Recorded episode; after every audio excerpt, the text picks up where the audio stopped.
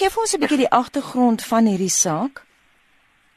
Uh seker nie, daar weet jy, um, miskien in terme van 'n konteks kan ek net sê dat die Universiteit Stellenbosch regskliniek 'n volwaardige en volle operasionele prokureurskantoor is uh, waar ons dienste aanbied aan lede van die publiek wat kwalifiseer vir regshulp en so een van die areas waar ons in staat is om mense by te staan wat nie normaalweg die dienste van die privaat prokureur kan bekostig nie, uh, is met betrekking tot slegte skuld. Uh, gedurende die afgelope twee dekades het ons met uh, duisende desperate skuldenaars gekonsulteer wat hulle ons nou wend met hulle sake. Um, gedurende die tyd het ons al dikwels is ons gekonfronteer met skokkende gevalle waar skuldenaars ongenaakbaar uitgebuit word.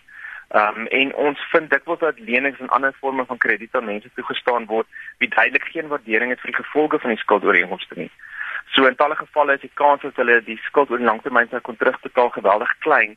En wat jy kry is jy kry dan die gewetenlose gelduitleners wat in volle bewus is daarvan wanneer hulle hierdie roekelose lenings toestaan. Uh dit word in vorm van klein kontant lenings, maar solank as vir die skuldenaar 'n stabiele inkomste verdien, ehm um, gee hulle nie om nie want al is daai inkomste gering, weet hulle dat hulle in staat is om hulle geld terug te kry deur middel van besoldigingsbeslagleggingsbevele teen die skuldenaar se lone. So wanneer die lener uh, dan in verstek staan, wanneer hy dan nou agterstallig raak met betrekking tot hierdie lenings, uh, wat dikwels die gevolge van omstandighede buite sy of haar beheer, maak die krediteure gebruik van invorderingsagente en prokureurs om die lenings in te vorder. Uh, omdat die lenings meermale baie of relatief klein is, vir klein bedrae is, werk die invorderingsagent op 'n gebeurlikheidsbasis uh, wat dit beteken basies hulle het nie hulle kostes van, vanaf die krediteure hulle kliënte nie maar hulle verhaal dit eenvoudig deur dit by te voeg by die skuldenaar se rekening. Mm. Uh, so uh, dit regverdiger hulle deur 'n uh, vonnis te kry teen die skuldenaar dit word by wyse van 'n gemanipuleerde toestemming um, wat onderteken word deur 'n skuldenaar wie wat nie verstaan regtig wat hy teken nie en en in terme daarvan stem hierdie skuldenaar dan toe om om prokurering kliënte en allerlei kostes te betaal. Ehm um, so wanneer hierdie hierdie fondse dan deur howe toegestaan word dan hanteer hierdie bedenklike invaldraers dit absoluut net skaart dans om enige en alle kostes wat hulle teen die skuldenaar kan vervaardig by sy rekening te sit. Uh, Algesien hierdie kostes nooit getakseer word nie, word nooit deur die howe of elders in die regsproses gekontroleer nie. En daarom is hierdie invorderingskoste insluitende regskoste ehm um, word eenvoudig op afgewentel op die die die skuldenaar deur hierdie invordraer of die prokureur wat in in hulle uitsluitlike diskresie. En so die gevolg daarvan is dat ons nou oor die loop van verskeie jare honderde skuldenaars gesien het in situasies waar hulle al 5, 6, 7 keer die aanvanklike leningsbedrag terugbetaal het. Stefan? Uh en dan is ons aktief om soort van die fondse te probeer te sê stel. Ja, ekskuus my. Stefan, ek moet vir jou vra, kan jy asseblief bietjie korter antwoord want ons moet by verskeie vrae uitkom. Uh gee ons praktiese voorbeelde as jy sê mense word uitgebuit. Het jy vir ons uh, stories om te vertel? Wel daar's 'n klomp, nee. Ehm um, sommer twee vinnig as ek kan dink daar's een situasie waar een van die applikante ehm um, R600 geleen het aanvanklik.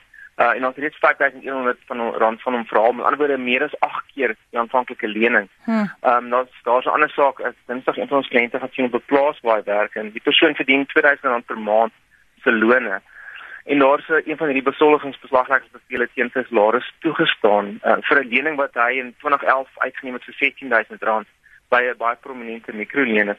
En so wat maandeliks gebeur is 'n bedrag van R917 mm. word teen sy R2000 se loon afgetrek om hierdie skuld te dien. Uh en jy weet in in Junie 2018 het ons een van daai die krediteure rekeningsstaat gestuur in terme waarvan hy in sy eie rekenaar staat rekeningsstaat wat blyk dat meer as 31500 rand reeds deur middel van hierdie BWB teen die die ehm um, skuldenaar gehef is en hulle soek nog steeds meer as 37000 rand van hom op die grond van die aanvanklike lening van R16000. Hoe omvangryk is hierdie probleem? Jy het nou verwys na hierdie voorbeelde, jy het uitgery na 'n plaas toe in Swaan.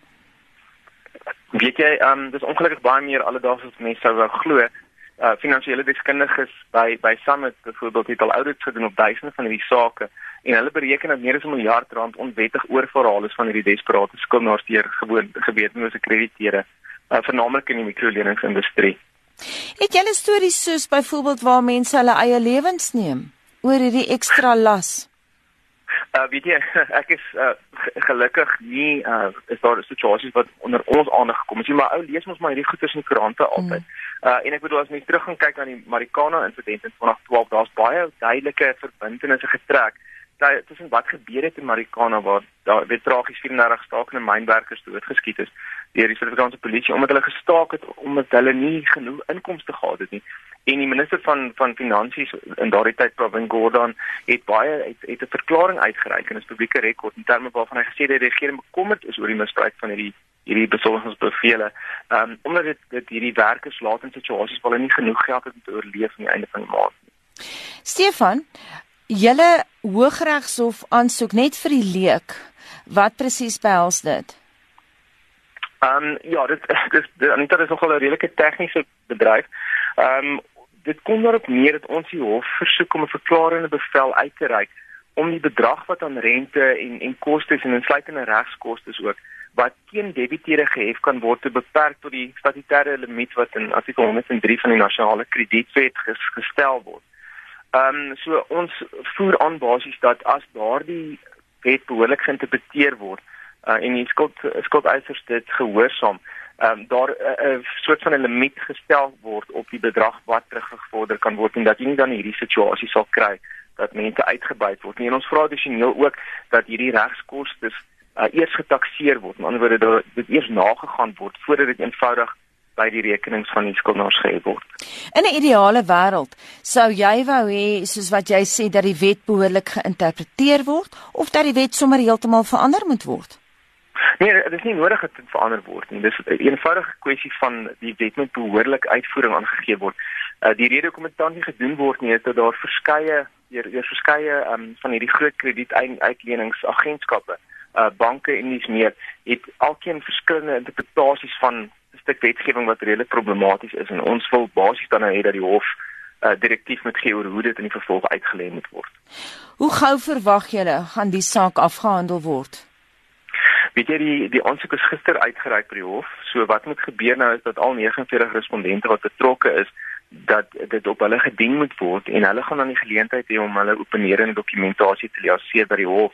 So ons vermoed dat dit dit waarskynlik hier aan die einde van 2018 begin 2019 finaal aangehoor sal word op 'n geleë datum. Stefan, as jy julle sin sou kry, watter impak kan hierdie saak hê op die Suid-Afrikaanse kredietmark?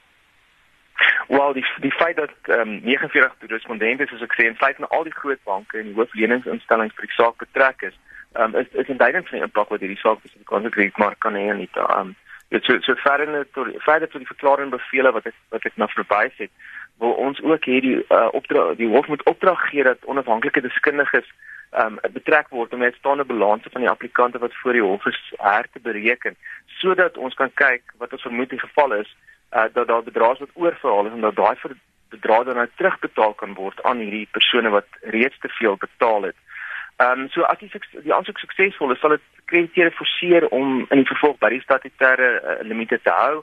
Hulle sal meer te verantwoordelik moet uh, te werk moet gaan met die toestand van krediet en meer belangrik hulle sal meer verantwoordelik moet wees wanneer hulle hierdie krediete gaan invorder vanaf uh, die spesifieke skuldenaars.